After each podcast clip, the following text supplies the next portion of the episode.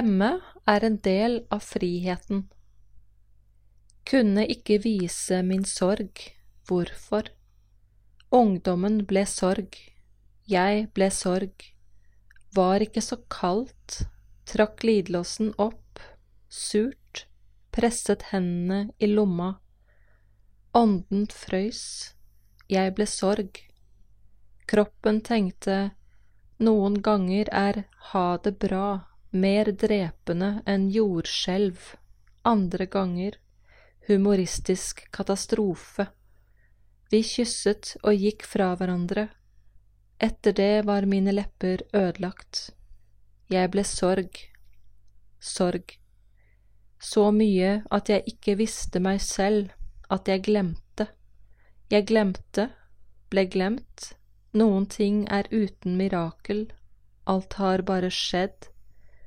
Framtida vil vise at alle ler på bildene. Dumt.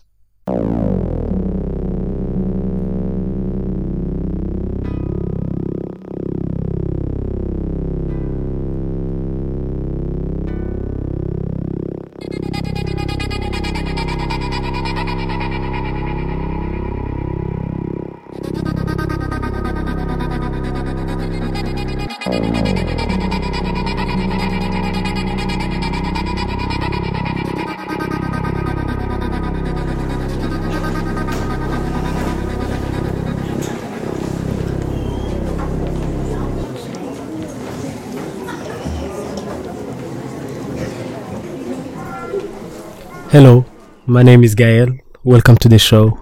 El Gigante, yours truly, your host with the most. Sitting here with Nama, and I will start with myself. My original name is Gael Maronho, originally from the east coast of Africa, in the center, in the heart of Africa, the land of a thousand hills.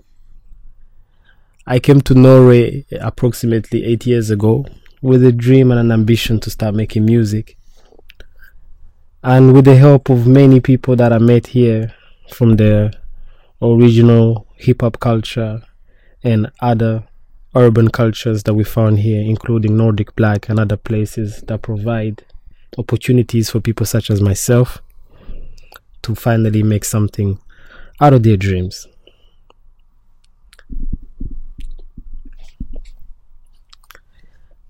The difference between me and most rap musicians is the motivation behind my music.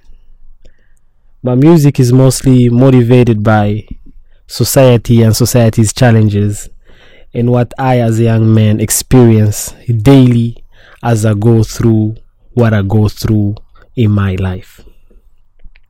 That being said, most of the artists on the platform today in Norway focus on gangster rap and other types of music and choose to portray the youthful side of the art. While on my hand, I choose to portray a more meaningful and grown approach to the art by discussing topics such as racism, immigration, love, hate, society, people, politics, death, disappointment, and anxiety, and so many other topics.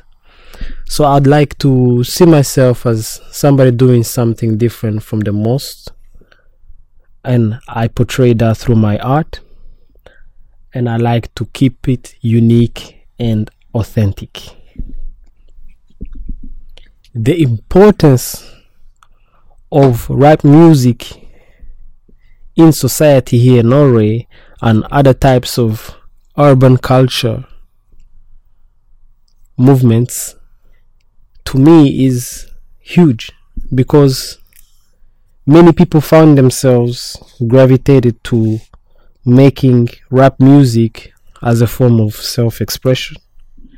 And today we have so many youth with so much to say, with a huge capacity and rap music becomes then a form for all of these different people to express their perspective through. So by making a song, you could get yourself busy instead of doing something more negative, as in hanging in the streets and finding other ways to express your youthful energy.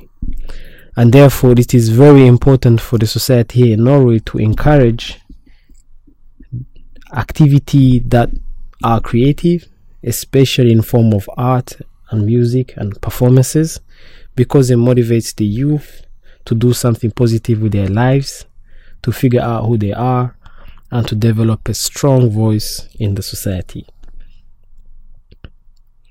And I've been asked this many times where did I get my inspiration from? How do I get motivated? How do I keep moving? Honestly, I get my inspiration from just being alive. I take it very easy. I've come to a level of understanding that art is not something that you should force. You let it come when it comes. And inspiration is found everywhere. It could be in a simple conversation. You could find inspiration by watching a bird fly. You could find your inspiration by just staying at home and relaxing on the sofa. You could find your inspiration by looking at how unfair the society is, or you could find your inspiration by having sex with your partner. In other words, is my inspiration is always with me as long as I'm alive, and life itself is an inspiration. And I think I share that with many other artists. So, coming back to rap music here in Norway, we experienced that Norway is not really such a developed country when it comes to music and creativity, especially when it comes to rap music. If we were to compare Norway with USA or Sweden or other countries that have much more developed rap music platforms, we will see that there's a lot of variations of rap music where you could even be somebody who's not a gangster at all or who doesn't do anything criminal and still have a voice in the rap music platform. While here in Norway, most people are basically doing the same thing in hopes to achieve the success that they see is being portrayed outside of the country in countries like America or Sweden. In that aspect, it is very, very fair to assume that the platform here in Norway when it comes to rap music is very closed and yet to be developed to a level of competition where they can actually compare themselves to different other rap music platforms. And my music, therefore, is out to challenge this by coming up with new genres that are yet to be experimented with in this realm that we are in. At the same time, it becomes a challenge for people who create this new type of music in this area because not so many people are open to it with a close-minded uh, publicum and a close-minded perspective or approach to rap music it becomes very hard to see different perspectives and to see that people can actually do it differently and that we all don't need to do it the same way. So, in my own opinion, I find it a little bit more challenging as in how to market this music because, first of all, it's in a language that's not Norwegian, and third of all, it's also carrying a message that is not very popular in this area here. Uh, therefore, it's a big challenge for the rap platform here in Norway and in the most Scandinavian countries because people are not really open minded to the possibilities and the experimenting of the art. And in the future, we hope to see more people who do different things. For example, as Nama mentioned, you have country rap, you have rock and roll rap, you have jazz rap, R&B and soul. You have all types of rap. You have artists like Yelawolf who can rap to a full country beat. You have artists like Ice T who raps with a rock and roll band. You have a lot of different types of people, people in Africa who rap on Afro beats, and we really encourage the and challenge the people here in Norway to start opening up to this new form of art. The difference between me and other rap musicians, I would say, is the content of the music, the delivery of the music, and also the process of making the music. At this point in my career, I'm in a level where I just want to do it more organic. I want to see the process myself from beat making to mixing and mastering to writing a rap, a rap and recording it and finally putting it out organically. And today it's very rare to find young rap musicians who want to do it that way, as most prefer to be signed by a major record label and just jump on the first deal that they see so they can get a little fame and a little money to make their family proud and themselves proud. So that is, in my case, something very, very unique as I'm willing to take all the risks and all the struggle that comes with it. Another difference also is in the content of the art. My music is very popular for having a meaning to it. Most people that I've gotten feedback from did not really like me for having the best song out in the club or or the, the hit song on the radio but mostly for the message that was in the music. And because it, it taught them something or it touched them somewhere and they decided to listen to me.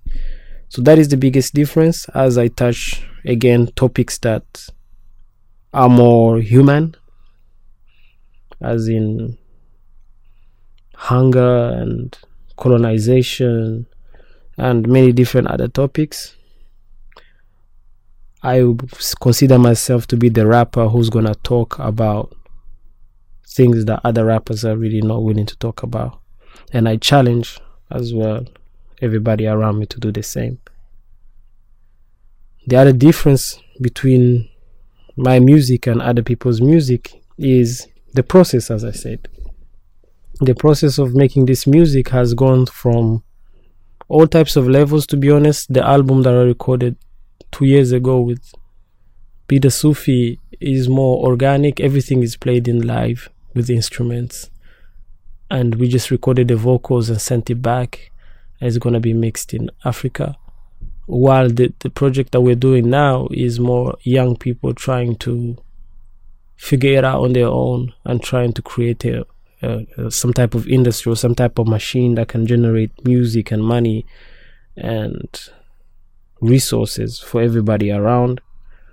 So the process is very organic. It's more like starting from scratch and buying you a PC, buying you a microphone, and trying to record, trying to write a song, and trying to make your friends listen to it, and your homeboys or homegirls. And if they like, it give you some feedback, what you should change, what you should not change.